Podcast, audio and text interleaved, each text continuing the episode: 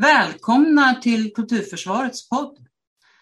Syftet med podden är att göra konst och kultur till en valfråga inför valet 2022. Jag som leder samtalet heter Ulla Bergsvedin, är frilansande skådespelerska, kulturdebattör och grundare av Kulturförsvaret.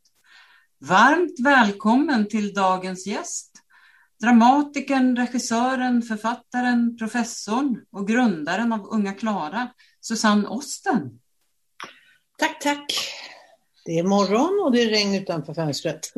Åhå, ni har regn i Stockholm? Nej, stort flod. Vem är Susanne Osten och vad arbetar du med för närvarande? Jag håller på faktiskt och ringar in vem tror hon att hon är? Alltså det är namnet på en slags självbiografi.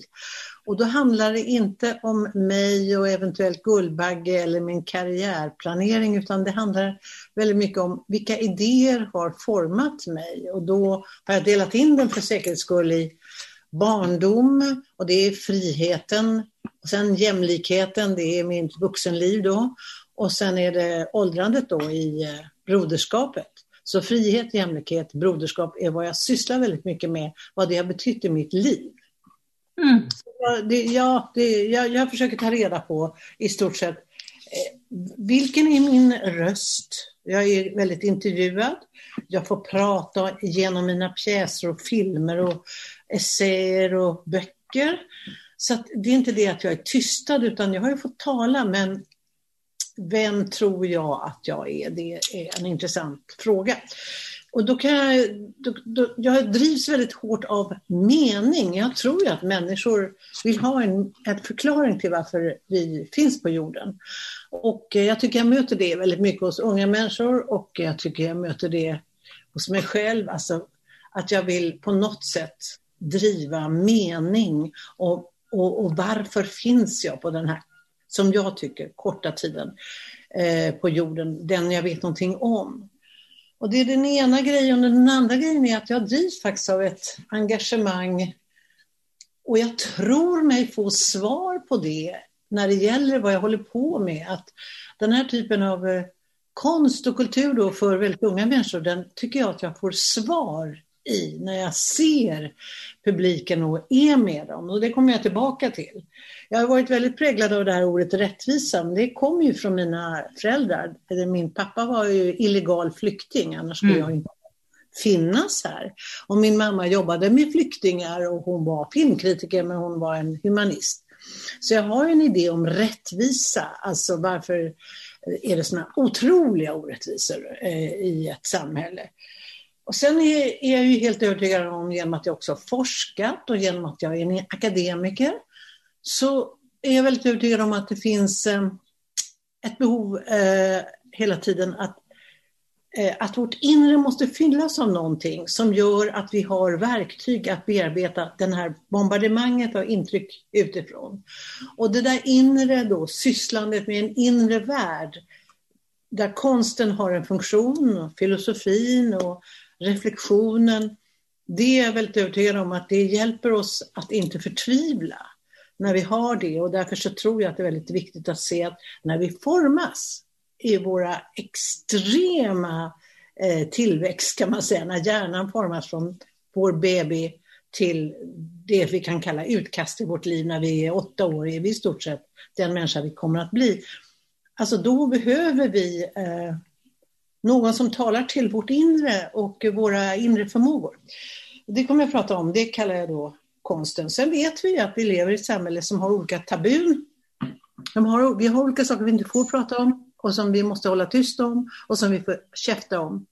Och eh, en del kan vi se i politiken och en del kan vi inte ens märka för vi vet inte om dem förrän vi stöter på dem. Och det gäller till exempel vad får man prata med barn om? Där finns det ju många historiska förtryck eh, som har att göra med att människan måste överleva och, och människan gör så gott hon kan. Vuxna gör så gott de kan, men de har ju ljugit mycket för barnen. Jag påminner om storken då. Storken, mm. eller att det sitter en gubbe i brunnen och ska dra ner dem. Storken därför man inte vet hur man ska prata om sexualitet och fortplantning. Och gubben i brunnen var ju ett sätt att hålla barnen från att drunkna i, Det, mm. Allting har, har förklaringar men eh, det har ju skrämt oss på ett sätt som eh, vi har nya saker vi är rädda för nu. Nu är vi mm. rädda för zombies kanske. Ja, så, där, så, så där saker funderar jag på. Och jag har ju också väldigt mycket talat om konst, till skillnad mot kultur i största allmänhet, för det blir så urvattnat. För det, är, det är ju allting, det är ju människans hela rörelse. Så jag har renodlat det där väldigt tidigt på 70-talet. Äh, nu ska jag prata om konst och barn, för att spetsa till konflikten, att samhället är dels föraktfullt mot konstnärer, där kan, det, det, tycker jag vi, vi kan se ända sedan man fick döda skådespelare på medeltiden. Mm. Till idag så finns ett väldigt förakt för det konstnärliga. Det är liksom bludder och det är flum och det är så. Och det, det smyger sig in i alla möjliga diskussioner, i skoldiskussionen och så vidare. Det är det där föraktet. Sen finns också det här att vi som inte kan prata, alltså små barn eller eh, patienter med Alzheimer.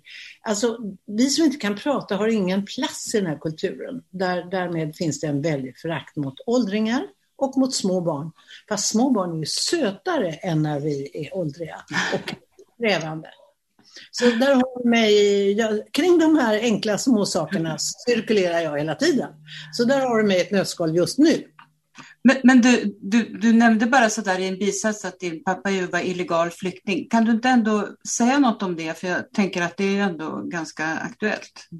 Ja, jag är oerhört ursinnig hela tiden på hur man behandlar de här, man lovar de här ungdomarna från Afghanistan och hur man har behandlat dem och sen får de eh, fly och, och, bli bättre behandlade i Paris. De får bo under broar, det är inget bra liv men de är i alla fall inte lika utsatta som de är här just nu. Alltså det, det är en fråga som plågar mig att Sverige har blivit så flyk, eh, flykting eh, flyktingintolerant. Eh, vi har aldrig behandlat flyktingar jättebra. Under andra världskriget, var, min far var ju motståndsman, så när han kom så blev han omedelbart inplacerad i fängelse. Medan vi då flörtade med nazismen, vi menar jag med svenska regeringen, under 40-talet, för det var ett känsligt läge. Min far var då eh, i opposition sedan 30-talet, han var mm. socialist. Han var en eh, socialist och var tvungen att fly från Gestapo 35. Han var i flera länder och försökte bygga upp motstånd. Han var i Tjeckoslovakien, han var i Norge, men överallt kom tyskarna in. Och när han sen hamnade i Sverige så hamnade han i fängelse. Där gick mamma, min mor, Gerd, omkring och eh, erbjöd hjälp till flyktingar, alltså rättshjälp. Och de träffades och sen blev jag till några år senare när, det hade, när stridslyckan för nazismen Eh, vände och det slaget vid Stalingrad var väl det stora nederlaget som gjorde att väldigt många barn föddes där i kullarna 44, 43, 44, 45. Eh, så de trodde på en fredlig framtid. Men eh, min mamma satt på nazisternas lista och hon jobbade också på försvaret och knäckte koder. Det här var hårt arbetande människor, ganska fattiga, både min pappa och mamma.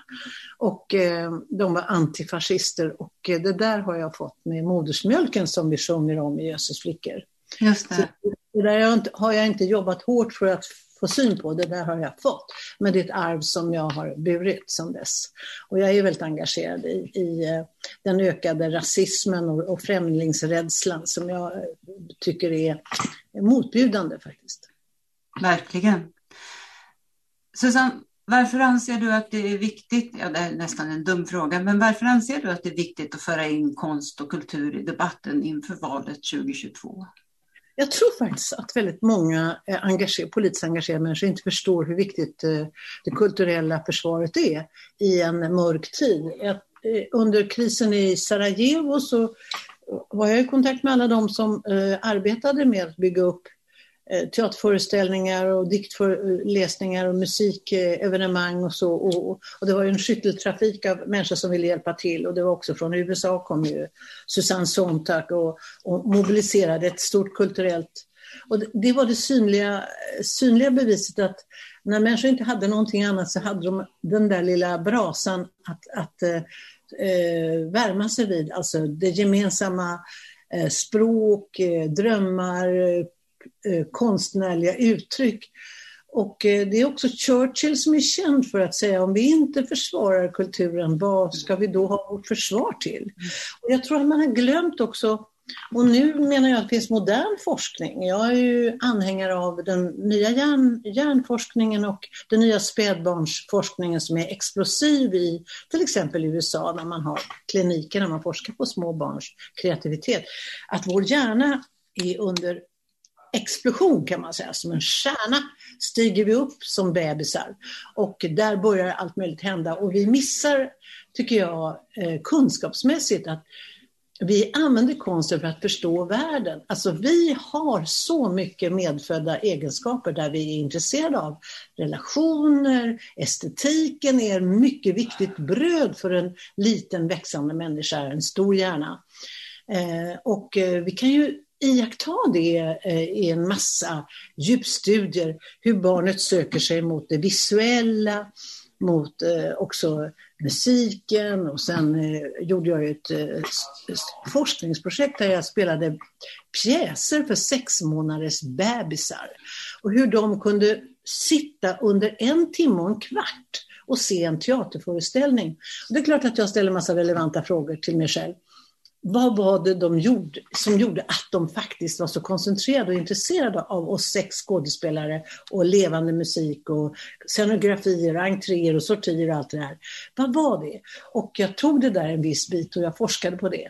Jag tror att min förenklade förklaring som vi gör nu i poddform, det är att vi, vi måste bearbeta världen som vi uppfattar den. Vi har ett stort behov att eh, sortera.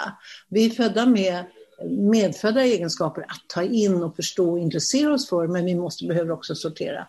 Och konsten är, om du jämför en liten bebis som åker i vagn på Ikea till exempel med sin mm. mamma och pappa. Det är miljoner intryck. Ja. Men om du kommer till teaterföreställning så är det sorterade intryck. Det är konst, en konstform där människor säger saker till varandra och där saker händer i en viss ordning. Och då har vi någon idiotisk idé att vi frågar små barn, vad handlar det om? Och förstod, och förstod du det där? Det är alldeles för komplext. För att varje unge i publiken har ju upplevt något eget av vad vi ser. Jag kan nog dra ut en story av sjuåringar vad de tycker att de har sett. Men deras värld, den inre världen som har gått igång av det de har varit med om, av valda särskilda bilder, intryck och språk och relationer. Det är en inre värld som de kan placera sina egna erfarenheter i. Och, hela den här, och det kommer vi kanske in på, hela den här idiotdiskussionen om att jag skrämmer barn och så, att det är så skrämmande mm. att presentera. Jag tror att vi underskattar vår enorma förmåga att sortera bort det vi inte kan förstå och inte vill ha. Alltså vi är ju otroligt utrustade som när vi föds.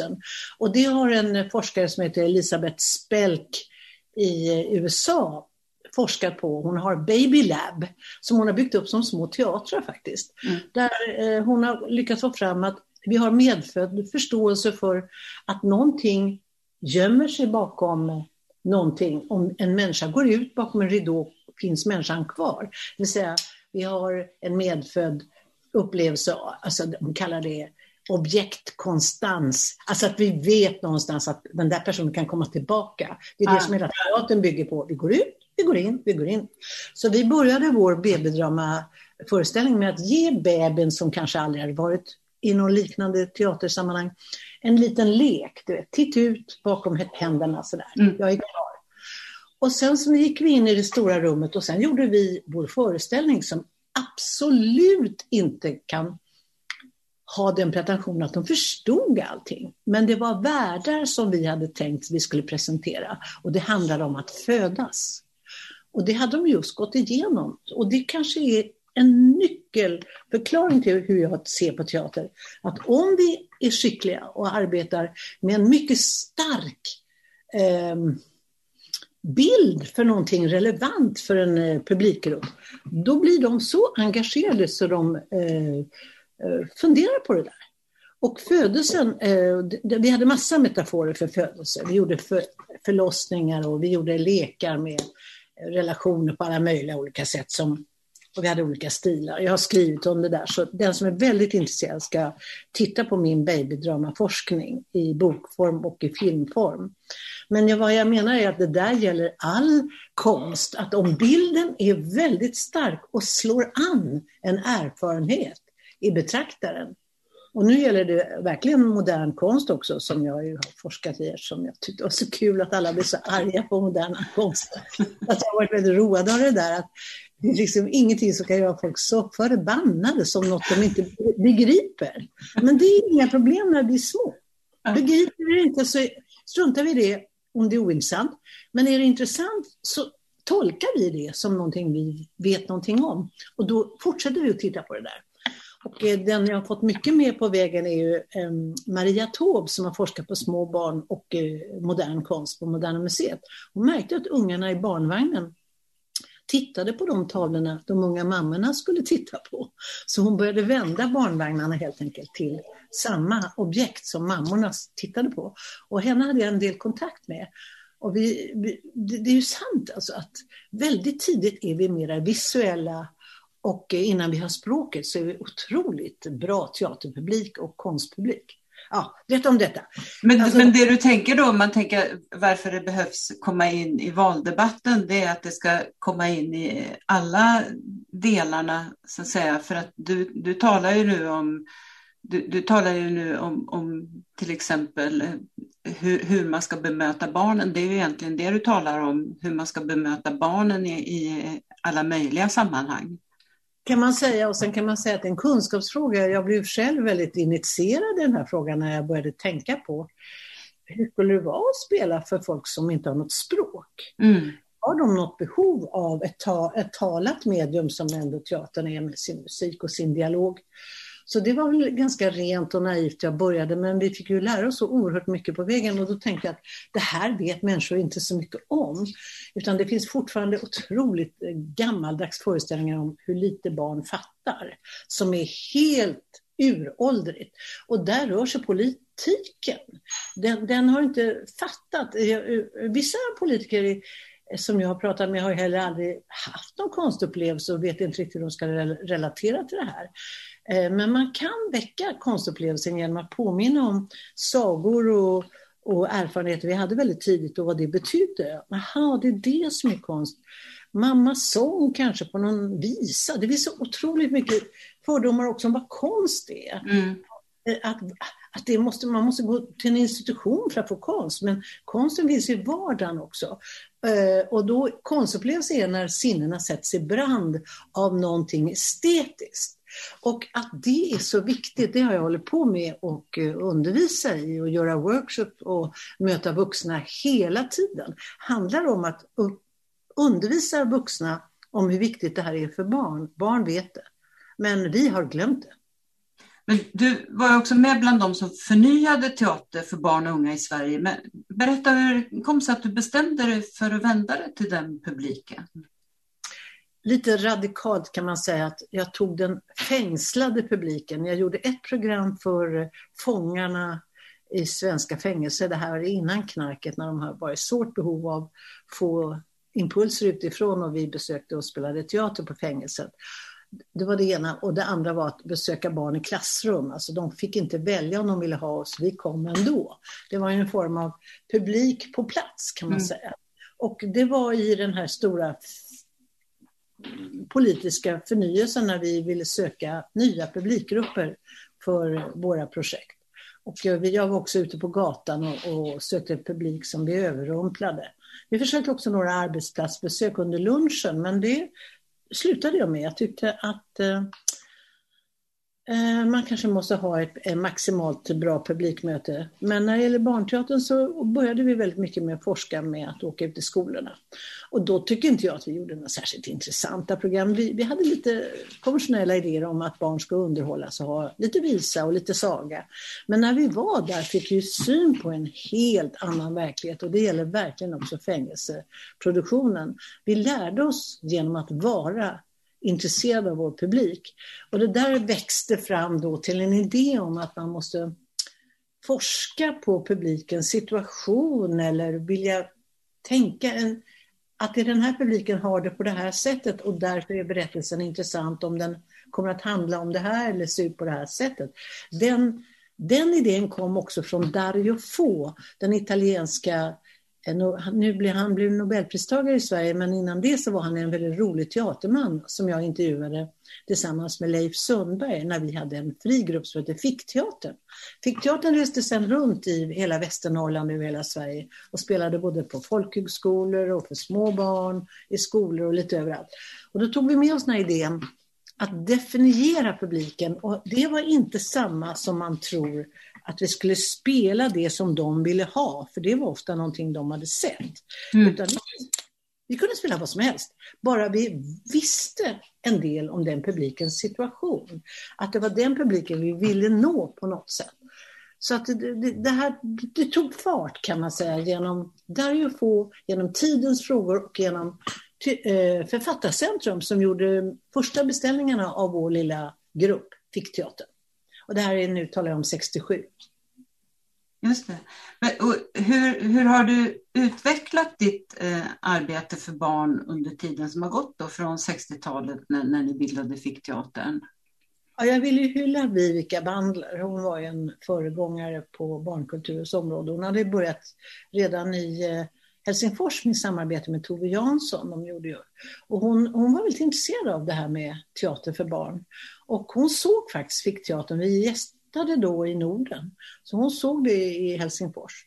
Så eh, hon gav mig ett uppdrag att göra några produktioner och sen så fick jag faktiskt hela Klara-teatern och bildade Unga Klara eh, med hennes hjälp. Och utan den kvinnliga eh, mentorn hade jag nog aldrig varit den som jag var idag. För att vi, jag kom ju till liv i ett mäktigt vitt gubbsamhälle kan man säga om man ska vara lite vulgär. Eh, det är inget fel att vara vit gubbe. Eh, jag är en vit gammal dam. Men, men det var ett mäktigt eh, förtryck av eh, unga idéer, av eh, kvinnor. Eh, det var ett e, monolitiskt samhälle. Det var svårt för utlänningar. Det fanns liksom inga pizzerior.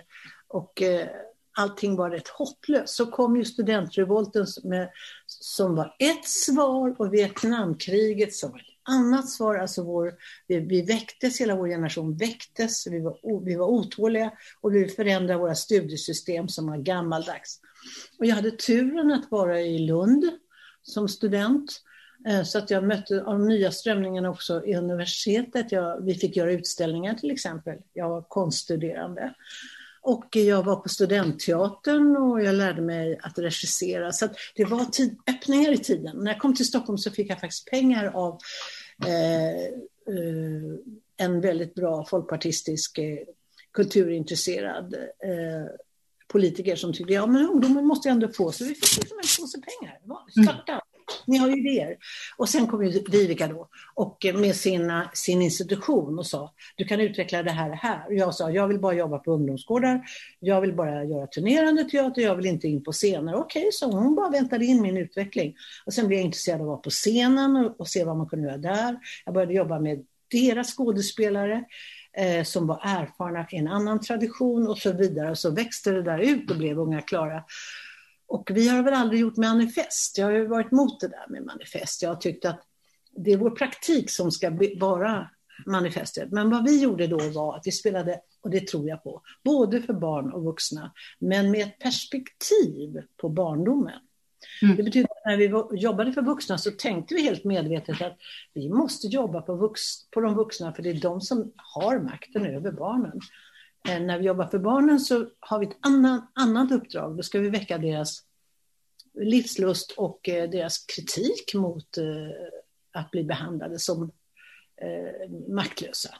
Men när vi jobbar för vuxna kan vi damma på och jobba med smärta, sorg och, och skuld på ett annat sätt. Att det blir ju så att när vuxna ser barnpjäser som är starka för barn och barnen skrattar bara och tycker att det här känner de igen och de blir inte nedslagna så händer det att vuxna kan bli nedslagna och känna sig skuldtyngda. Det har hänt så många gånger. Ja, och eh, på den tiden också, du och Margareta Garpe skrev Tjejsnack, Kärleksföreställningen, Jösses flicka flickor, inte minst, som var oerhört betydelsefulla för den feministiska rörelsen. Mm. Det var ju så att eh, genom att jag hade den där plattformen och jag samtidigt var aktivist inom eh, dels Vietnamrörelsen och sen inom kvinnorörelsen och var med i Grupp 8 och var med och driva fram det så var jag väldigt aktivistisk. Jag ville spela och undersöka saker och ting och jag mötte Margareta och vi, kom, och, och vi började snacka och jag sa, kan inte du skriva eh, för mig, med mig här på den här ungdomsgården? För jag jobbade som ehm, eh, jag jobbade på ungdomsgården och tyckte att eh, vi måste göra någonting för att rycka upp arbetartjejerna. De sa ju aldrig någonting. Killarna gafflade. Så vi gjorde en rätt smart pjäs som var så att den var lika rolig för båda och sen körde vi ut killarna och sa, hörni tjejer. Och så fick vi igång deras åsikter. Och det var en strategi som vi hade lärt oss i kvinnorörelsen att vi var inte emot män. Det har vi alltid beskyllts för, men det var vi inte. Vi levde ju med män, många av oss. Eh, utan det var ju eh, strategier för att få kvinnors idéer ut i luften. Få, eftersom vi som kvinnor är uppfostrade att lyssna på männen och underordna oss männen så vad gäller det att hitta nya strategier.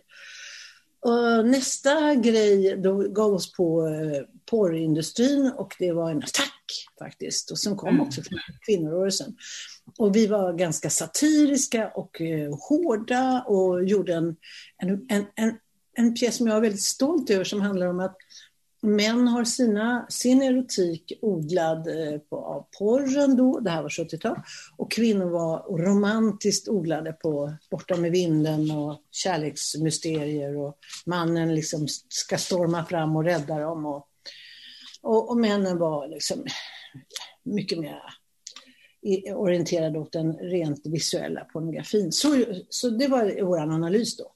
Dessutom så eh, utvecklade eh, kvinnorörelsen på den tiden en aktiv kampanj mot porren som en del i våldtäktstankarna, att den ledde till en förnedrande syn på kvinnan och så vidare. Ja, den pjäsen blev väldigt slagkraftig och innehöll mycket musik. Eh, som Gunnar Edander skrev, det gjorde han också i Tjejsnack, där, där finns det den där eh, väldigt kända sången Åh, åh tjejer, vi måste mm. höja våra röster. Sen eh, så gick vi upp till eh, Vivica och sa vi har en idé om att presentera att kvinnor har varit politiskt aktiva långt innan vi. För att det var någonting med att jag, jag, hade aldrig i hela mitt liv sett politiskt aktiva kvinnor på scenen eller människor som var idéburna. Så vi satt på arbetarrörelsens arkiv då grävde i arkiven och vi skapade en, en, en, en bred grupp kvinnor från alla politiska partier. Eh, Moderaterna hade inget kvinnoförbund då, så de var inte med, men alla andra var med. Och eh, från vänster till höger. Och eh, sen så testade vi politiska frågor på dem och skrev en pjäs om en kvinnoförening som drev fram rösträtten. Och eh, surprise, surprise, vi upptäckte ju att vi var verkligen inte de första kvinnoaktiva, men du vet, vi var en generation som aldrig hört talas om Mary Wollstonecraft eller någonting, så vi var tvungna att forska på vår egen historia och sätta upp den på scenen. Och den handlade om det som jag också har upptäckt i barnteatern, att eh, vi har ett idéliv och sen har vi ett liv hemma. Och livet hemma för barnet är, kan vara ohyggligt svårt. Det upptäckte vi när vi var i skolan, så upptäckte vi att de har ett, ett liv hemma där de kanske har alkoholism och våld och och sorger. Men de har ett skolliv där de ska liksom klara sig och, undvika mobbning och allt vad det är. De har liksom ett jobb att gå till. Och det gäller också kvinnorna. Alltså den föreningen så byggde vi upp som att de var väldigt idealistiska, hade olika idéer och käbblade om det. Men sen gick de hem till sin arbetarklass eller till sin liberala helvete, eller vad det nu kunde vara. Så vi konstruerade liksom tre kvinnoöden eh, som deras privatliv hade med deras politik att göra, men politiken var räddning och struktur i en tuff värld. Jag tycker att det var en slags barnpjäs för kvinnor. Mm.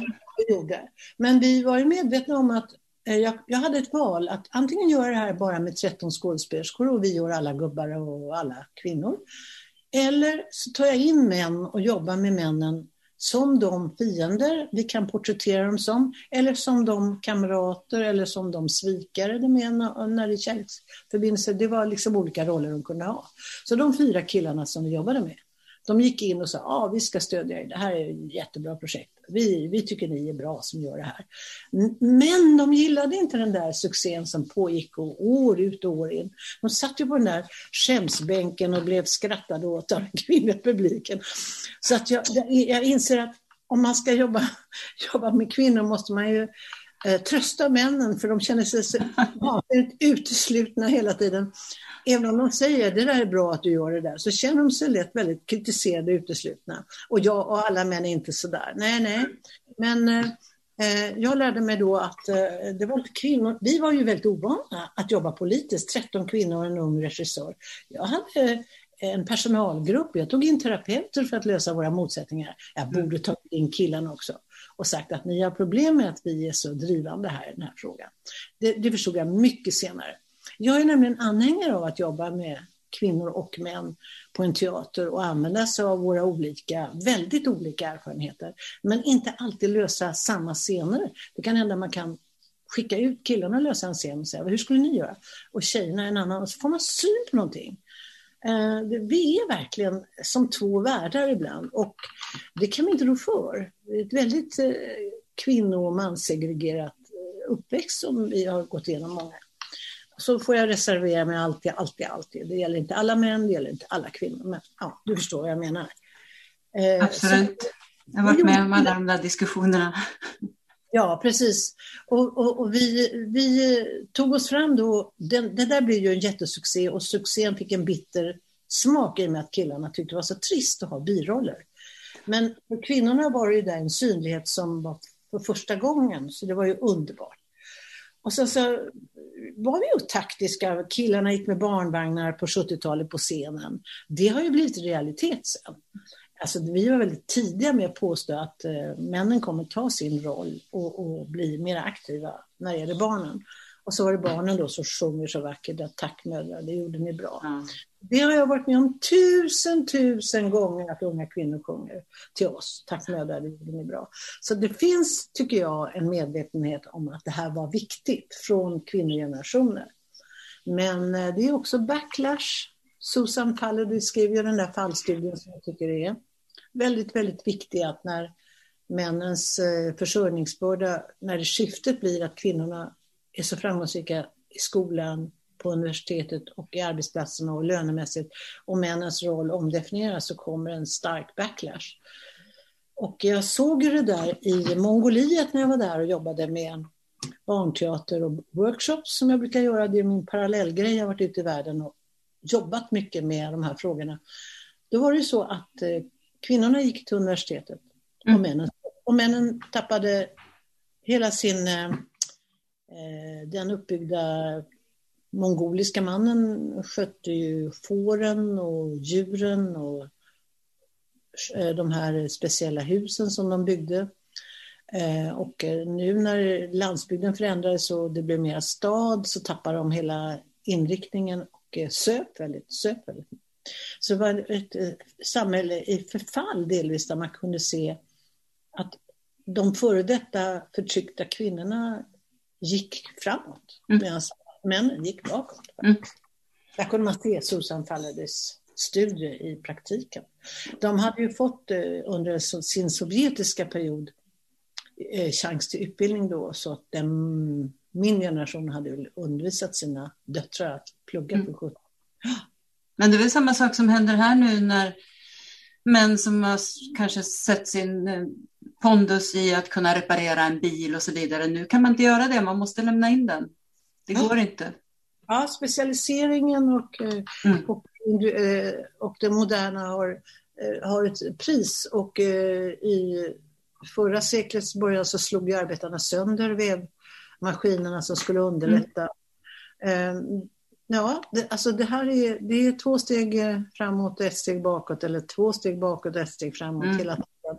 Det gäller att inte bli otroligt förtryckt och säga det, det går inte, utan se vad som går. Och jag tror ju att det här med eh, synen på det växande barnet och vår stora kapacitet det är ju ingen viktig fråga när det materiella och det tekniska är så väldigt synligt. Mm. Det här låter ju som en mjukvara, ge barn barnteater.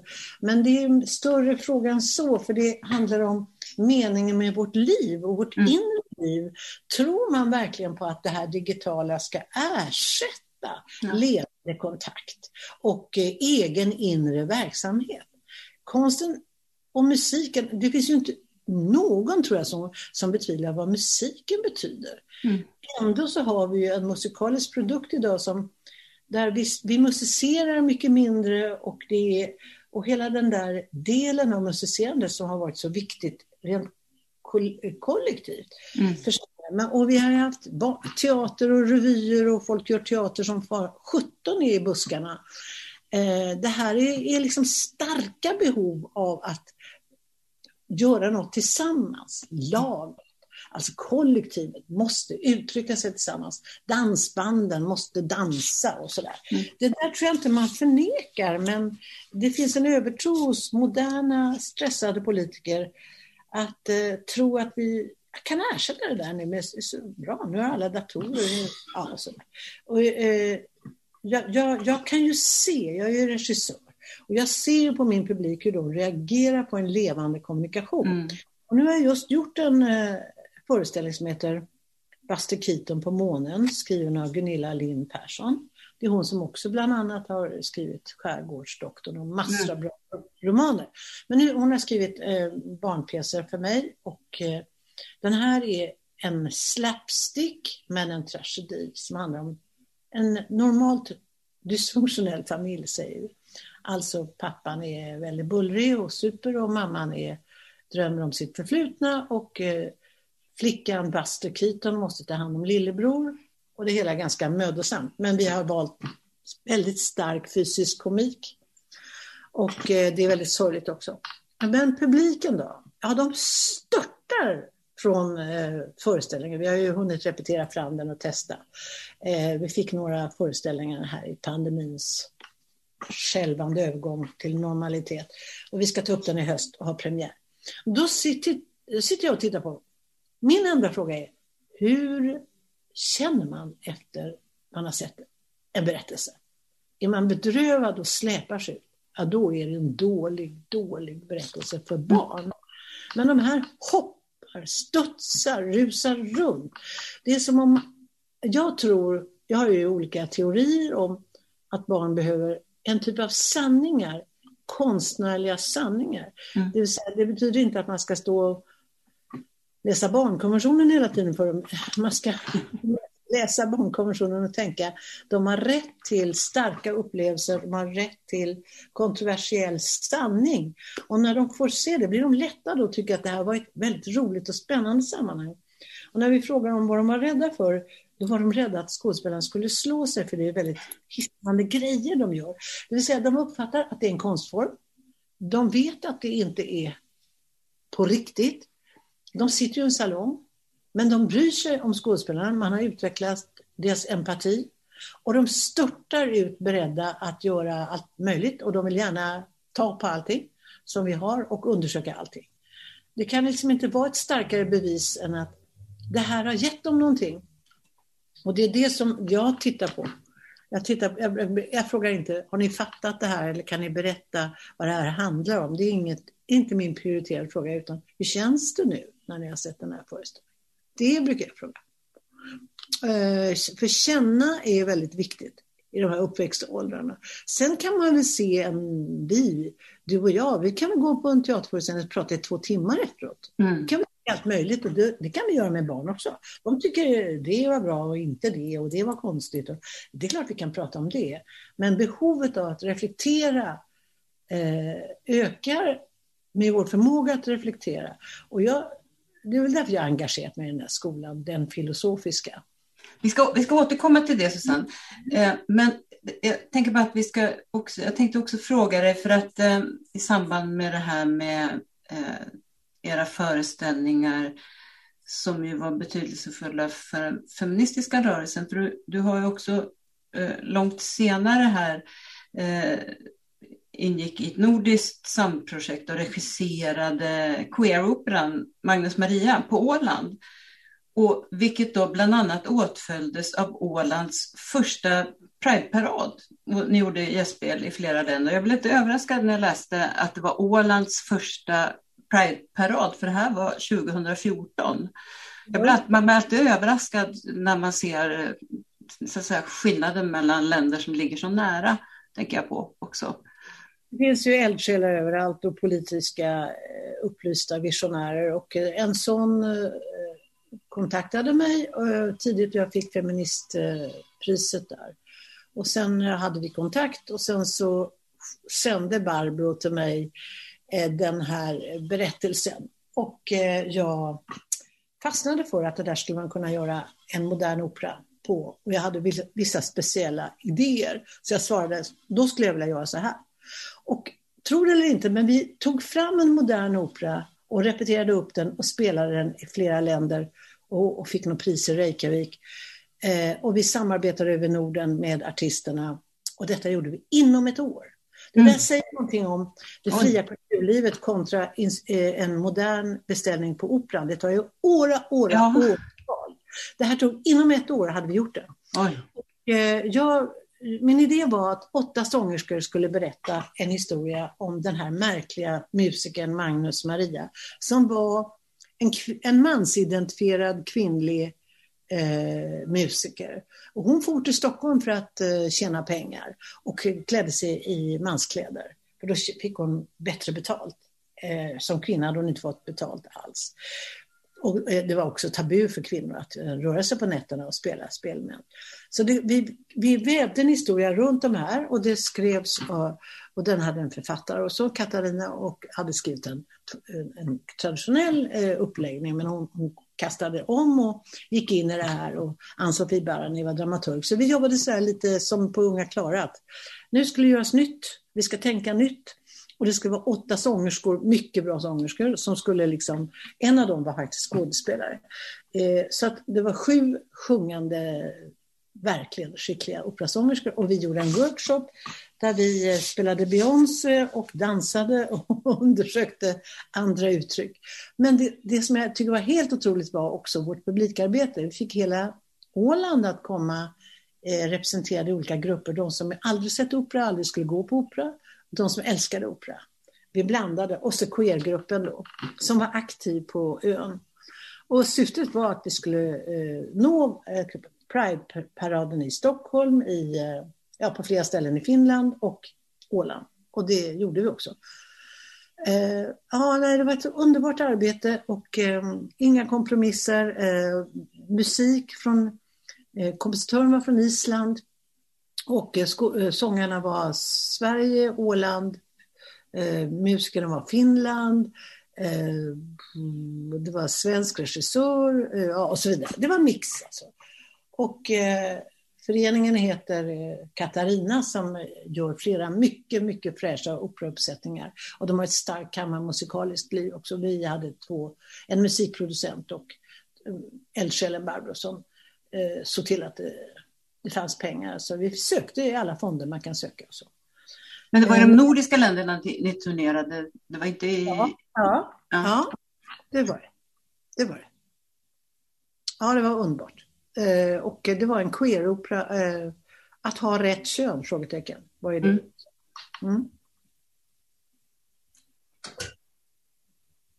Jag tänkte att vi skulle gå tillbaka lite grann till Klara och jag Klara som ju, förutom att ni arbetade för barn och unga så hade ni också ett arbetssätt slash personalpolitik som väl var ganska ovanligt inom en institution för den tiden. Ja, alltså allting blandar ihop sig när jag tänker bakåt och framåt och så. Men jag, för mig har laget ett lag, alltså fotbollslag kan man säga. Det har varit väldigt viktigt. Vi behöver inte vara lika, vi behöver inte tänka lika, vi behöver inte kunna samma sak, men vi måste vilja åt samma håll.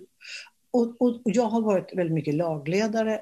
Eh, och det har varit viktigt att jag vill inte gå vidare med en idé om jag inte får med mig alla, om jag inte känner att det här, ja, det här verkar jättespännande. Jag tror att Ariane Norskin med Teatro Soleil, hon brukar prata om en uh-känsla hon lägger fram, ska vi spela Hamlet? Ja, det verkar jätteroligt. Och ska vi göra det och det? Ja. Ska vi ta, ska vi ta Kambodja? Uh! säger de. Kambodja. Uh. Alltså det är någonting med att eh, en sån känsla fick jag när vi höll på med besvärliga människor. Eh, vi höll på att diskutera vad ska vi göra, vad ska vi göra och sen så la vi fram det här och så började vi prata om det besvärliga och som, och som andra människor. Vi skvallrade helt enkelt. Och då kände jag att det här är en mycket intressant idé. Då hade jag fått en broschyr hur man blir av med besvärliga människor på jobbet. Det var en strukturomvandling 2000 och jag var en sån här mellanchef. Jag var ju, hade ju min avdelning på Stadsteatern och teaterchefen hade basade över alltihopa. Så jag fick sån här eh, invitation att gå en kurs om besvärliga människor. Och enligt min människosyn så finns det inga besvärliga människor på något enkelt beteendemässigt sätt, utan det är ofta andra konflikter som eh, inte har lösts under vägen.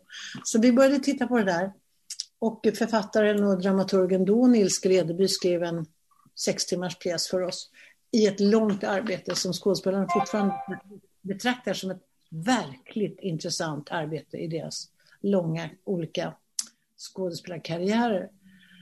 Det var föreläsningar och improvisationer och undersökning av vad är det besvärliga. Mycket snabbt så tror jag att skådespelaren genomskådade det och förstod att det som man tycker är besvärligt hos en annan människa, det är det man har i sig själv.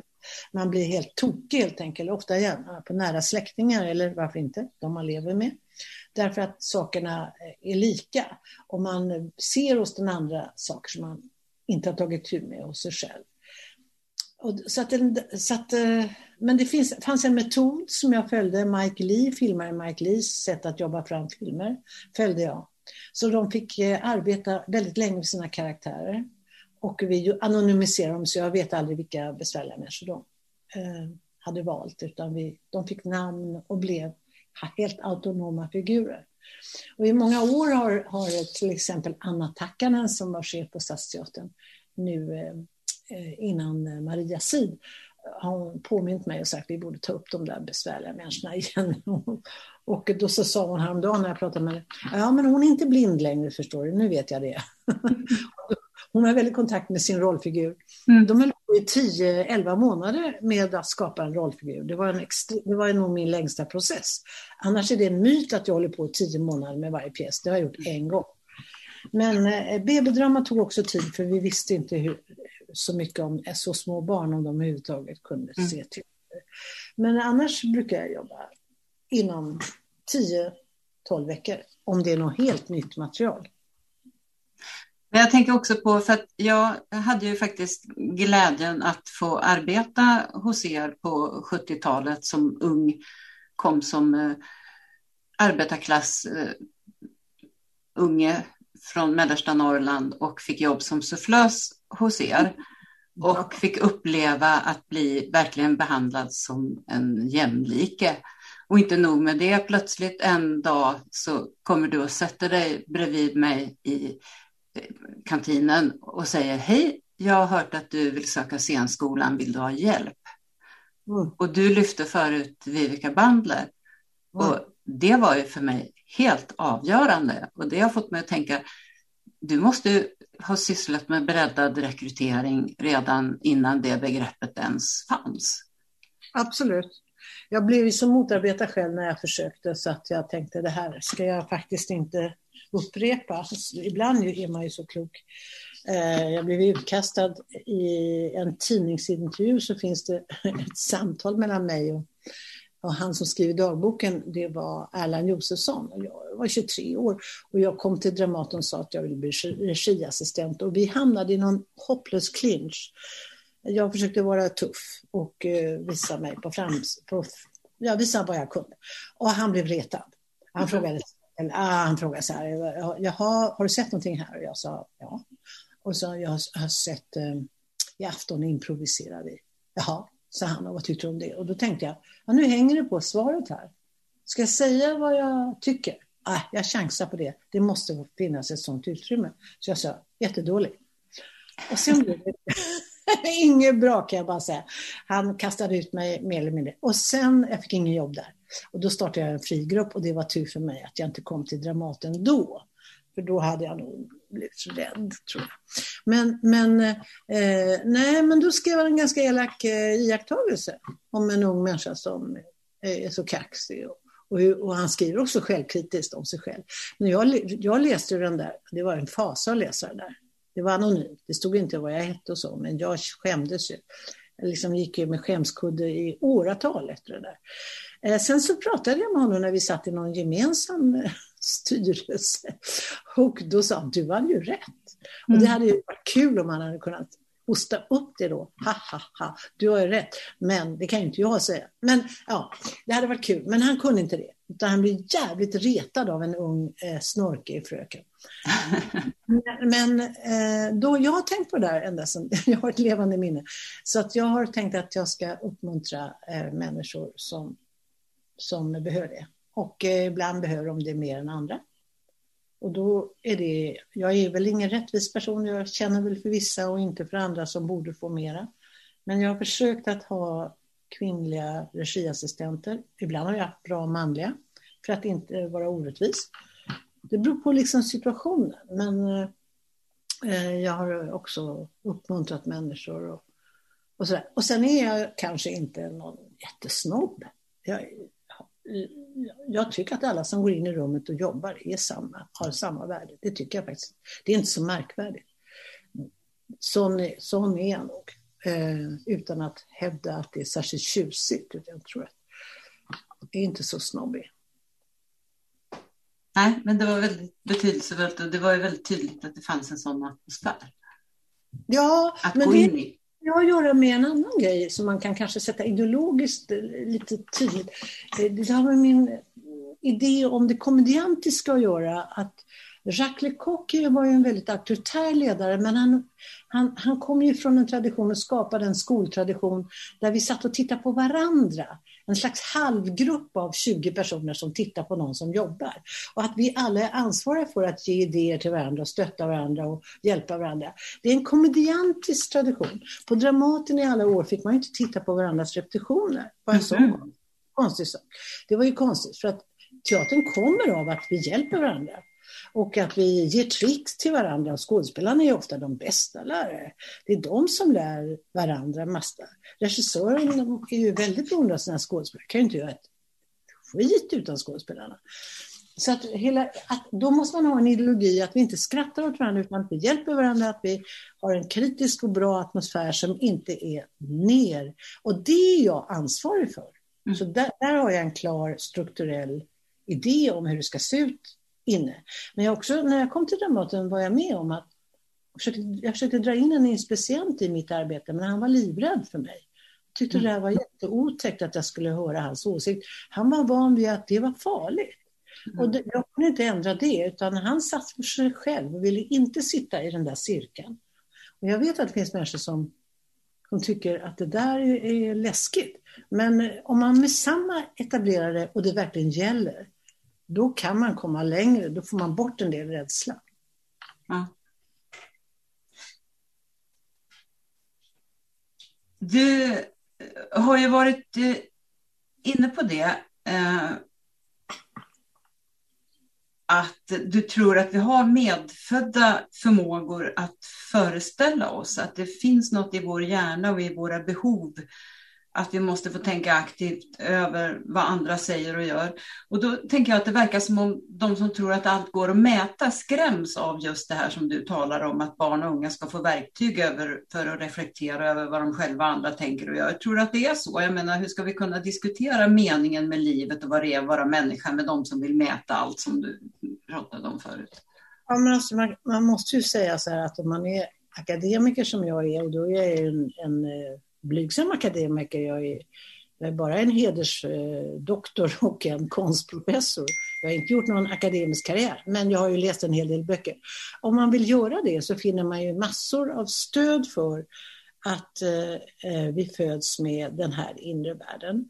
Eh, om man blir intresserad av det kan man läsa hur mycket som helst och göra djupstudier på det och förstå att vår hjärna är mycket komplex och att en del egen, egen, en del egenskaper har vi medfött. Precis som djur har medfödda egenskaper de kan ju mycket snabbare än en människa orientera sig till tillvaron, gå och springa och simma och allt det där. Det, det, är genetiska program helt enkelt. Men i vår hjärna så finns reflektionen och drömmarna och allt det där. Eh, och de som har jobbat med spädbarn, de har en väldigt stor kunskap och det är också psykoanalysen var ju viktig för mig under en lång period. Jag gick i psykoanalys. Det vill säga, varför gör vi inte som vi säger? Varför gör, handlar vi ofta mot våra intressen? Vad är det för saker som vi egentligen tänker och fruktar? Det, det är det som är det är ju det som är dramats stora motor. Människor gör inte som de säger. Därför lyssnar vi så intresserat på dialoger. Mm. Vi ljuger, vi smickrar, vi arbetar med makten. Därför är Shakespeares universum som om Alice Miller hade skrivit det. Där mm. finns allt. Barnperspektiv, makt, intriger, kärlek, rättvisekrav. Och för att inte tala om den här Websterpjäsen jag satte upp nu som bara spelade sju gånger på Dramaten. Eh, Förstinnan av Amalfi, där hennes två bröder dödar henne för att hon vill älska, vill föda sina barn med den hon älskar och välja själv. Alltså allt finns i de där 1600-talspjäserna. Eh, människan är fantastisk. Hon, hon skapar artefakter, alltså bilder, målningar, texter om sin värld. Och vi väldigt tidigt vill veta väldigt mycket om hur, hur vi ska leva. Vad är lycka? Vad är mening? Varför är det så här? Varför blir jag övergiven? Varför finns orättvisa? Allt det där vill vi veta. Och då vänder vi oss till det som är slagkraftigt. Nu, nu tittar vi väldigt mycket på intressanta serier som kommer, HBO, Netflix, Viaplay, om jättestora samhälleliga konflikter nedbrutna till mänskliga relationer. Och vi sitter som barn och tittar på de här berättelserna för att försöka fatta någonting av det vi är med om. Eh, det där kan man liksom hänge sig till och tycka är så sant och så viktigt. Eh, man kan också säga att förenkling och klyschor och stereotypier finns också. Så man måste jobba hela tiden med berättelserna så att inte de blir bara önskeuppfyllande eh, skit, eh, helt enkelt. Eh, det, det, pågår ju en diskussion hela tiden om vad som är sant och vad som är äkta och vad som är viktigt.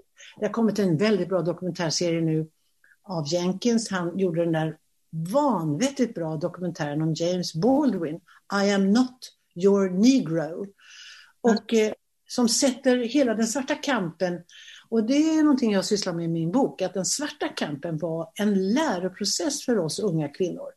Utan den svarta medborgarkampen hade vi inte kommit till den här insikten om att vi måste göra en likadan medvetande process.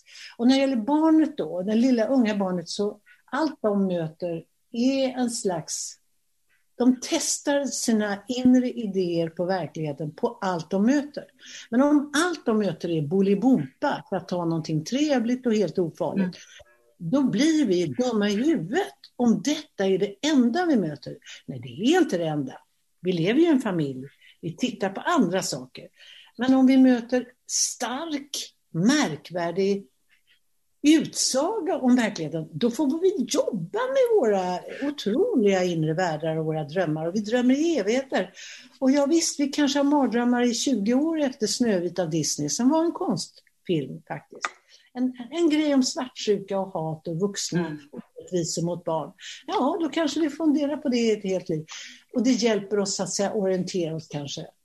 Eh, så att jag, jag tycker att den stora felet, om vi ska koka ner det här till någonting vi kan göra någonting åt, det är att underskatta hela gruppen 0 till 25 år människor som skulle behöva mycket större utmaningar. Jag har, sagt, jag har skrivit någon gång i någon utredning Tåström till dagis, Picasso in i, hem, i, i teckningsundervisningen. Alltså, det finns ju redan bevisat det jag säger i estetiken. Det finns en holländsk filmare som har filmat en skolklass som analyserar en målning av Picasso och gör det på ett sånt rikt och sammansatt sätt så att man nästan svimmar. Den är en 25 minuters dokumentär där vi först inte vet vad barnen tittar på och vad de säger.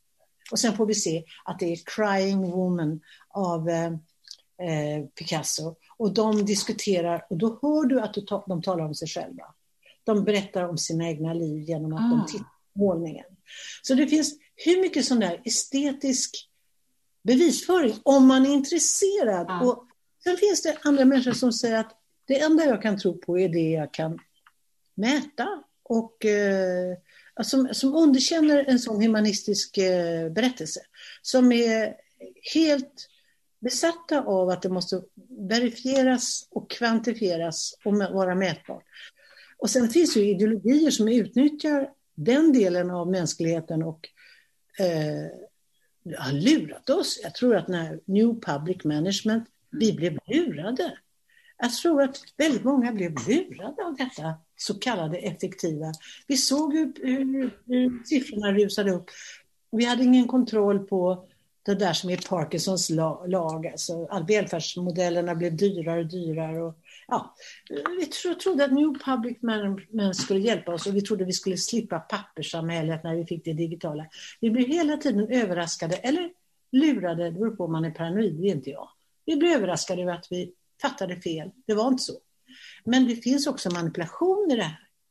Jag tycker att det vore jätteviktigt att påminna om att det är inget fel att ha evidens, eh, siffror, eh, logik, eh, måttfullhet, eh, eh kontroller. Allt det där måste vi ha i ett modernt samhälle, särskilt när det, vi nu har så smart brottslighet som hela tiden ligger före, så många steg före och kan utnyttja vår godtrogenhet och naivitet. Men den humanistiska delen som jag då representerar, alltså tron på konstens absolut nödvändiga näringsämnen för en mänsklig hjärna, om vi säger så. Att eh, får vi inte hjälp att eh, ha mera komplexa utsagor och hålla på med det så fördummas vi. Det fanns ju en tid när politiker hade en vision om att varje barn skulle få möjlighet att se, jag tror det var en föreställning per läsår. Och att alla barn också skulle få möjlighet att själva få utöva och därmed kunna välja om, om hen var intresserad. Men det, det verkar vara borta nu. Det finns som ett val utanför skoltid och det kostar.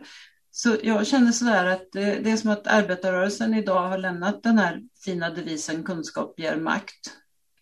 Ja, eh, jag kan säga att jag har suttit i massa utredningar och tyckt samma sak. Mera gratis, kulturskolan ska vara gratis, det är klassperspektivet där. Och eh, de som inte känner till det ska ha en chans att få prova gratis. Och sen kan man kanske göra påbyggnader, att det kostar någonting när man väl liksom har fått pröva. Men jag tycker sådana grejer som Systema i Göteborg, det, det är min, min cup of tea. Och eh, vi förhandlade med institutionen om att vi vill göra teatern gratis och det har jag slagit för när jag varit på institution. Eh, det finns alltid skattenasar hela tiden men det som vi lägger ner på barnen och som är lustbetonat och som de kan få gratis, det har vi igen. Och det, det finns, har gjorts många ut, eh, utredningar på vad en ungdomsbrottsling kostar. Det, det, vi, är inte, vi är inte konsekventa i vår evidens. Det finns evidens för att om vi bryr oss om eh, växande människor i svåra miljöer och gav dem en helt annan verksamhet så skulle vi ha ett annat samhälle. Det finns, för de som vill hitta det, finns det studier och djupstudier och mätningar som man skulle kunna använda sig. Arbetarrörelsen har vi gått på det där då att vi kan köpa allting. Vi kan köpa det där vi kan köpa en skolplats, vi kan köpa, vi kan köpa flöjtlektion, vi kan köpa, vi kan köpa allting. Eh, en, jag tycker att det är en uppgivenhet i det där. Du tänker också att vi skulle kunna komma åt segregationen om alla barn fick tillgång till konst och kultur på lika villkor? Jag fick ju höra i de där liksom, man blir ju deppig när man ser att det går åt ett visst håll i samhällsutvecklingen trots att man har agiterat. Jag har agiterat för en annan utveckling, men eh, jag har haft förstående styrelser och vi har kunnat ge bort föreställningar till som vi har kallat research eller test eller så, så att barn har fått saker som in, där skolan inte skulle haft råd. Vi har försökt komma runt det där hela tiden. Men i jakten då på bevis så, sökte jag den där tjänstemannen som hade gjort ett förslag om att man skulle kunna ta bort segregationens negativa, hemska utanförskap genom en gigantisk konstsatsning på alla barn i förskolor och skolan. Och när jag väl talade med den här tjänstemannen som inte ville riktigt kännas ut kanske sin totala radikalitet eller blanda ihop sig med mig. Men han hade ändå sådana tankar att det här är det enda sättet vi skulle kunna komma med någonting som fyller människors inre med en känsla av värde och mening. Och eh, att det materiella är inte den enda vägen. Vilket eh, vi ju tror. Vi tror ju att eh, om vi bor fint, om vi har en bil och om vi har det och vad det. Men det är ju inte alls det som människor minns som det värdefulla. Utan det värdefulla är att ha något i sitt inre och uttrycka. Att känna mening i mig själv. Jag är någonting för jag har en värld som jag håller på med. Och jag sätter inte världen bara till min egen teater eller mina teaterföreställningar. Den världen är oändligt mycket varierad. Människor har massor av saker som är deras inre värld. Men vad ska de få? Vad ska barn få sina stimuli ifrån? Om inte från vuxna som är enormt engagerade och passionerade. Jag, jag var ju på besök i Skottland och såg en konstnär som höll på med etsning. Alltså det är en ganska långsam process. Han hade en skolklass som hängde, sjuåringar, som hängde kring det långsamma. Alltså den där jättestarka tekniken. De var helt fascinerade. Och jag tror att jag har, en, jag har en vision av att konstnären när han utbildas, hon utbildas, måste jobba med barnperspektivet och undervisa barn i, i det man kan. Man kanske inte är en född pedagog, men man måste under skoltiden möta detta att det här skulle jag kunna kanske utveckla inför barn på något sätt. Så att det skulle, man betalar tillbaka till samhället, det ska man kunna ge till yngre grupper. Den här ohyggligt dyra konstutbildningen, fem år vid, vid Mejan till mm. exempel i Stockholm, eller teater. Och teatern har ju fattat det där att det är en utveckling att arbeta för barn. De har ju mm. fattat det. Så de lägger in kurser och där har jag säkert spelat roll, det tror jag. Mm. Genom att jag har kunnat göra intressant teater för barn mm. av vuxna skådespelare. Så har det där inte, det är inte bara liksom töntigt och jag måste, utan det har blivit spännande också. Och det finns de som faktiskt väljer att jobba bara för barn. De tycker det är det viktigaste. För där får man ändå en absolut kvitto på att det är en mening det man skapar. Mm. Men så jag, jag, jag tycker man skulle... Eh, och det finns andra regionala konstigheter, till exempel man utbildar hela tiden 12 jättepigga skådespelare i Norrbotten. Men man tar inte fram något projekt där man skapar en grupp där de kan börja jobba. Mm. Man tar inte fram till exempel vilka skulle vilja jobba för våra behov här. Vi har äldreomsorgen, här har vi förskoleverksamheten. Mm. Är det någon av er som är intresserad av att ha något, uh, utlöst en tävling och så anställ fem skådespelare? Nej, jag har aldrig sett ett sådant initiativ. Region, regionalpolitiken har människor som är i Norrbotten i evigheter och pluggar. Men, de har, men vad gör de? Nothing. Mm. Nej, det, det vore intressant. Skolan blir ju allt mer prestationsinriktad. Du och andra skolpedagoger, du var inne på det lite tidigare, men ni har engagerat er i ett privat initiativ där barn får möta filosofi i förskolan. Berätta om det. Ja, det är nog en gammal passion jag har, barn och filosofi, eftersom barn är ständigt frågande. Vad är det och vad är det och vad är det? De har fantastiska tankar och de hittar, uppfinner ju saker också. Är väldigt fina uppfinnare. Det var ju en tjej nu som har löst en grej som med munskydd, såg du det? Hon vann en tävling därför att hon la in ett filter som avslöjar hur länge man har haft munskyddet. Ah. Så hon vann en sån där, hon, var en tolvåring. Och någon uh, åttaårig tjej i något latinamerikanskt land som uppfann Eh, Eh, land. Ja, du vet, barn är, funderar på förbättringar. Men, så jag har varit intresserad av det där. och det finns också en hel litteraturriktning med filosofi för barn. Men det, det, han heter Dick Holmgren och eh, han var eh, personalchef på, på ett stort företag och han har funderat mycket på svenska skolan och reflektion och filosofi. Han drog igång ett, ett förslag. Han gick runt till några människor, Sven-Erik Lidman till exempel i Göteborg, och till mig och några andra skolpedagoger och visade en skiss. Skulle man inte kunna dra igång en skola, förskola, skola, så småningom gymnasium, med en filosofi i grunden, en filosofisk undervisning i grunden. Nu finns det också systerskolor i Nepal. Och eh, jag gick in i det där, för jag tyckte det där verkar eh, vettigt, under villkoret att eh, det var vanliga barn. Alltså inte elitens barn. Att eh, vanliga föräldrar skulle kunna välja det där.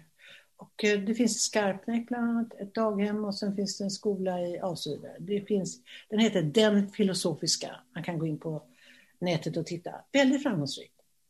Och jag har besökt skolorna och daghemmen och pratat med filosoferna. Och det går ju till så att man sitter i en ring och har en filosofisk fråga. Och då frågar jag eh, personalen vad är det svåraste? Och då tycker de är död och sex prata om. Det är det som vi har väldigt svårt, vi vuxna, att prata om. Det är det barn är väldigt intresserade av. Vi, ska, vi är sexuella varelser och vi ska ju dö. Så att, Existentiella frågor helt enkelt. Ja. Det, det som jag tycker är, är, så fint med det här, det är att man lyssnar på andra. Man blir aldrig dömd i sina försök att formulera sig. Jag tror man skulle kunna ta död på rasismen om alla barn hade gått mm. igenom. Jag tror faktiskt att detta skulle vara den enda vaccineringen mot den gräsliga invandrarhatet och rasismen. Och de här stackars trollen som skriver till mig att jag eh, borde ha nackskott. Alltså de, de hade fått gå, så jag skulle kommendera dem i nästa liv att sitta i en cirkel med en sköldpadda eller en sten och lyssna på varandra och få säga saker. Och säger de att eh, något rasistiskt, läskigt, så blir de inte dömda, utan då prövas den tesen tills de kanske den faller bort. Det är naturligtvis lite tricky att tänka sig att man har tilliten att få säga vad som helst eftersom skolan är en bedömnings mm. sorteringsmaskin. Men jag, det jag har sett så tycker jag barnen verkar frimodiga och, och eh, det är i alla fall någonting som övar vår kritiska och vår förmåga som vi är födda med och vår fantastiska hjärna att reflektera. Ja. Är, är du orolig över vad som kan hända med konsten och kulturen, dels efter pandemin och dels om krafter som vill kontrollera enligt mönster från Ungern och Polen och som även vill bryta överenskommelsen om armlängds avstånd, om de kommer till makten på nationell nivå? Ja, då blir det kamp och bråk. Det blir det ju. Eh, orolig? Nej. Alltså, det, eh, jag är realist. Alltså, det finns eh, historiska epoker som är mycket mörka. Min pappa var med om det värsta. Min mamma var med om två världskrig. Det gjorde han också. Eh, eh, människor verkar dumma. De verkar inte förstå att eh, förstå det som andra har varit med om. Det räcker inte. Man måste tydligen få snyta själv för att dra slutsatser. Men eh, det finns tillräckligt många som kan prata och eh, agera. Vi till exempel ett nätverk här som argumenterar för, för våra afghanska ungdomar och ja, men man kan göra väldigt mycket. Och eh, när det gäller konst och kultur så vi, kulturlivet bärs ju upp av vuxna människor som vill ha det. Men jag är ju chockad ibland när jag möter unga människor som inte vet att deras teater i Göteborg, där du är, till exempel är skattefinansierad, de tror att det är något kul projekt som någon drar igång när det är en bra pjäs som de råkar komma på. Man säger, men det här är ju din teater. Mm. Det här kan ju du göra någonting åt. Eh, där kan man bli förvånad över att det verkar, skolan har ju liksom backat på grund av alla uppdrag som skolan har så har skolan backat från sitt kulturuppdrag. Och genom den här finansieringen som vi har släppt in så, så blir det ju också känsligt vad man tar in i skolan. Och lärarna eller rektorerna blir rädda för att eh, föräldrar ska avboka och flytta skolpeng och allt det där. Så det har ju blivit en mycket försvagad kulturinstitution tycker jag, skolan. Annars har jag haft de bästa erfarenheter att jobba i skolor med lärare som vill ha en där. Bruk, det är de jag brukar gå till, jag brukar inte gå till de som inte vill. Men du har du råkat de... ut för att, att, eh, att föräldrar och, har, har så att säga... Jag råkat att bli censurerad, ja. Och jag frågade då rektorn där, eh, det var en pjäs av mig och Per Lysander som heter Medeas barn som blev Micke Kocke var regissören och det var i Örebro. Och när de kom till Kumla så var det en enda förälder som stoppade den. Så massor av barn fick aldrig se den föreställningen. Och hon höll ju med om rektorn, som jag hade ett samtal med, att det var ju egentligen rektorn som ska skydda kulturen och konsten i skolan. Hon kunde inte. Så att eh, mera civilkurage efterlyser jag generellt. Jag tycker folk är alldeles för rädda. Står inte upp för sina åsikter, hur svårt kan det vara? Men eh, eh vi, har, vi, vi, har en tystnadskultur eh, just nu som brer ut sig. Den är jag oroad för. Det är jag faktiskt oroad för.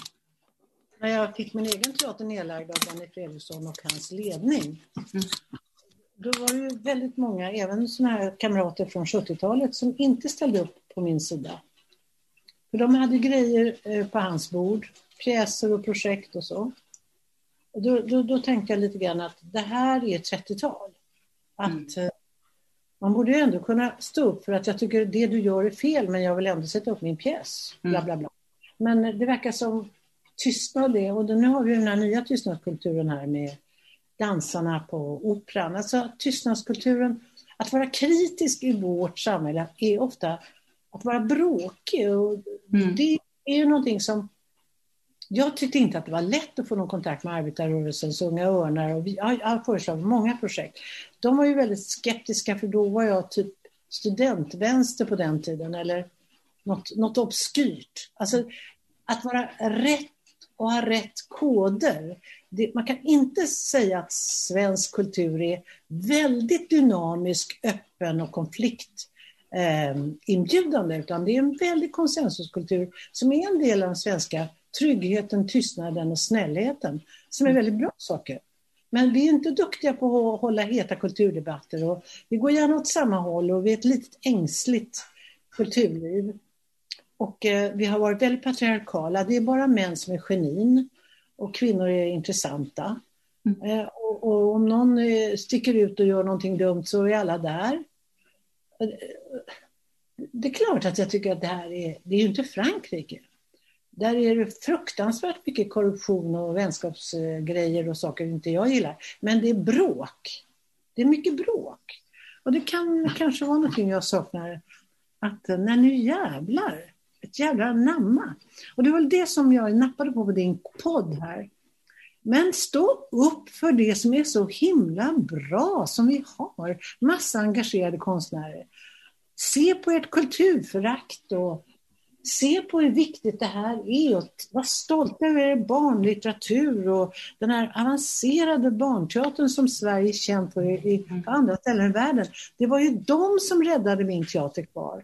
Alltså andra organisationer i andra länder som sa, men vad gör ni i Stockholm? Lägger ni ner er, en enda professionell teater som finns för barn i hela världen? Och det var ju det som gjorde att Kulturrådet, oj då, att de gjorde en utredning och allt det där. Det där kan man läsa om också. Jag har skrivit om det där i en bok som heter Det allra viktigaste. Alltså kulturkamp är också ett samhälle som säger så här, vi behöver konstnärerna och inte bara liksom högtidstala till dem. Jag har verkligen fått priser och jag har verkligen lyfts fram och jag är inte bitter. Men jag tycker att det, konstnären är inte en viktig politisk kraft när vi ändå talar om väldigt viktiga saker. Som vad är meningen med vårt samhälle när vi väljer våra frågor? Nej, och det är väl också så när det gäller politiken att politiker gärna ställer sig vid sidan av om det är någon som har fått ett internationellt pris och är med ja, på bild. Det är alltid finare att ha fått något ut. Men jag var ju kvinnlig filmare i Cannes och, då, och, eh, vi fick skriva till den stora tidningen och säga, ska ni inte göra någonting på det? Det vill aldrig vara en kvinna här. Och då frågade de den manliga skådespelaren om han ville skriva. Men alltså, det, det finns massa orättvisor. Jag skulle kunna skrika när jag tänker på det. Men jag måste skratta. För det är så uppenbart vad man har, liksom, vad man har höjt till skyarna och vilka man har eh, ja, hyllat. Ja. Jo, det är, väl, det är väl så att vi, vi har inte kommit så långt som vi ibland tror. Det är en rolig grej som en besvärlig människa säger eh, i, i besvärliga människor, så säger hon så här, vad är för fel på bitterhet? Vi gillar ju bittermandlar. Så att jag är inte så bra på det här med bitterhet. Jag uppfostrar i att det är farligt och folk blir rädda om man är bitter och sur och arg. Men eh, det är kanske är dags för att eh, kasta in några bittermandlar i den här diskussionen och utmana politiker. Eh, alltså, eh, jag tyckte det var bra när, när, när eh, utbildningen och kulturen satt ihop och var ett mäktigt stort område. Det tyckte jag var en markering, en bra politisk organisation. Nu är det så att den som är kulturminister man hörde ju på det här Juholt-programmet, han hade blivit en rolig kulturminister, han hade tagit en väldig fight. Jag har hört honom prata eh, i Småland när han pratade om glas, glaset. Ja. Han, han, fick fel, han fick fel plats, han hade varit, kanske blivit en bråkig kulturminister. Men i alla fall, man har, deras enda uppgift är att få mera pengar av finansen. Och när jag gick direkt till finansen, det var till fält jag gick. Det var ju liksom så iskallt. Och jag gjorde, jag gjorde ett försök att brandtala. Um, men uh, det var ganska kallt där. Alltså kallt hjärta inför kulturen. Uh, det är en väldigt viktig plats. Och den personen är ju helt beroende av det som blir över. Och då ska ju inte unga Klara kanske klaga som har ändå fått ett nationellt erkännande av, eh, av Men eh, eh, just det där som du säger om, om att utbildning och kultur borde höra ihop. Det är det ju många i de här poddarna som har faktiskt sagt, både kulturchefer och pedagoger, rektorer. Så att det är ju någonting som faktiskt är framfört här från många håll, så vi får hoppas att, att de lyssnar. Jag, jag, tycker också att det är en väldigt bra idé faktiskt. Och, jag vet att eh, det finns motioner på att ta bort Unga Klaras mm. och, inte, och det, det kommer ju inte gå, men eh, de kan ju försöka. Man vet inte.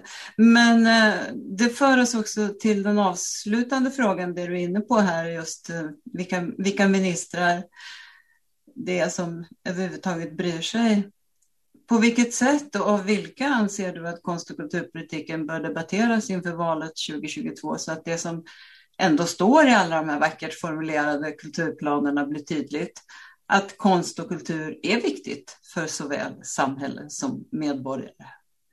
Alla de som suttit i kulturutskottet, i riksdagens kulturutskott, har varit väldigt bra, engagerade och kunniga politiker. Jag är väldigt förtjust i Christer Nylén. Mm jag är en jätteduktig debattör och när de kan frågorna är det underbart att lyssna på dem.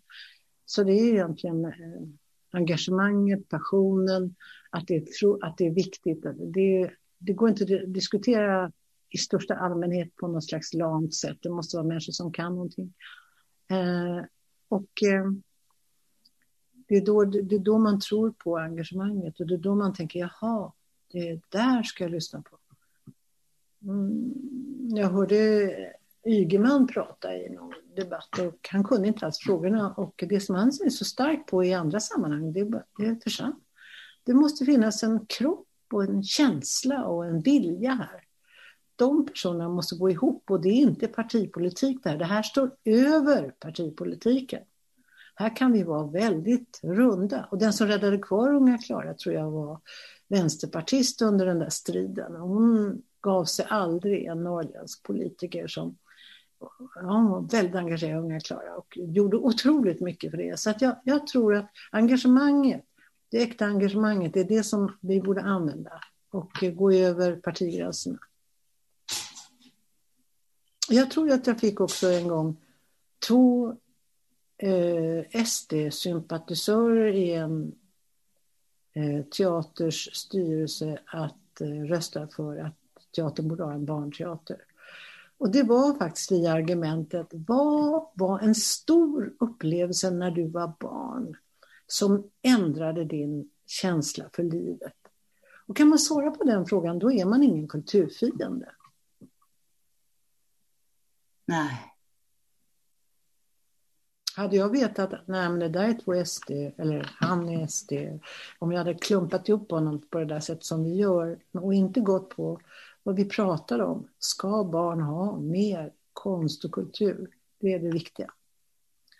Men eh, det finns blinda, rädda människor i alla partier och några partier har ju, är ju väldigt intresserade av att brännmärka, förfölja och kör ut sina troll och så. Det är fult. Ja, men det kanske finns hopp. På alla håll. Det gör det alltid. Det gör det alltid. Och inte minst eh, står väl konsten och kulturen för det hoppet. Ja, inte alltid alltså. Man måste ju vara ärlig och säga att kultur kan vara svart och förvirrande.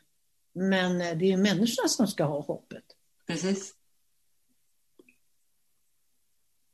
Stort tack Susanne för att du ville medverka. Tack hör du. Kul att jag satte mig bredvid dig en gång. Verkligen. Att du kom och sufflerade oss. Alla mina sufflöser har gjort jättekarriärer. Det är liksom det roligaste. Att vara i rummet med skådespelarna. Sen har de liksom tagit av. Precis som du. Mm. Tack också för det. Mm. Hej då! Vi ska också tacka för att ni lyssnade.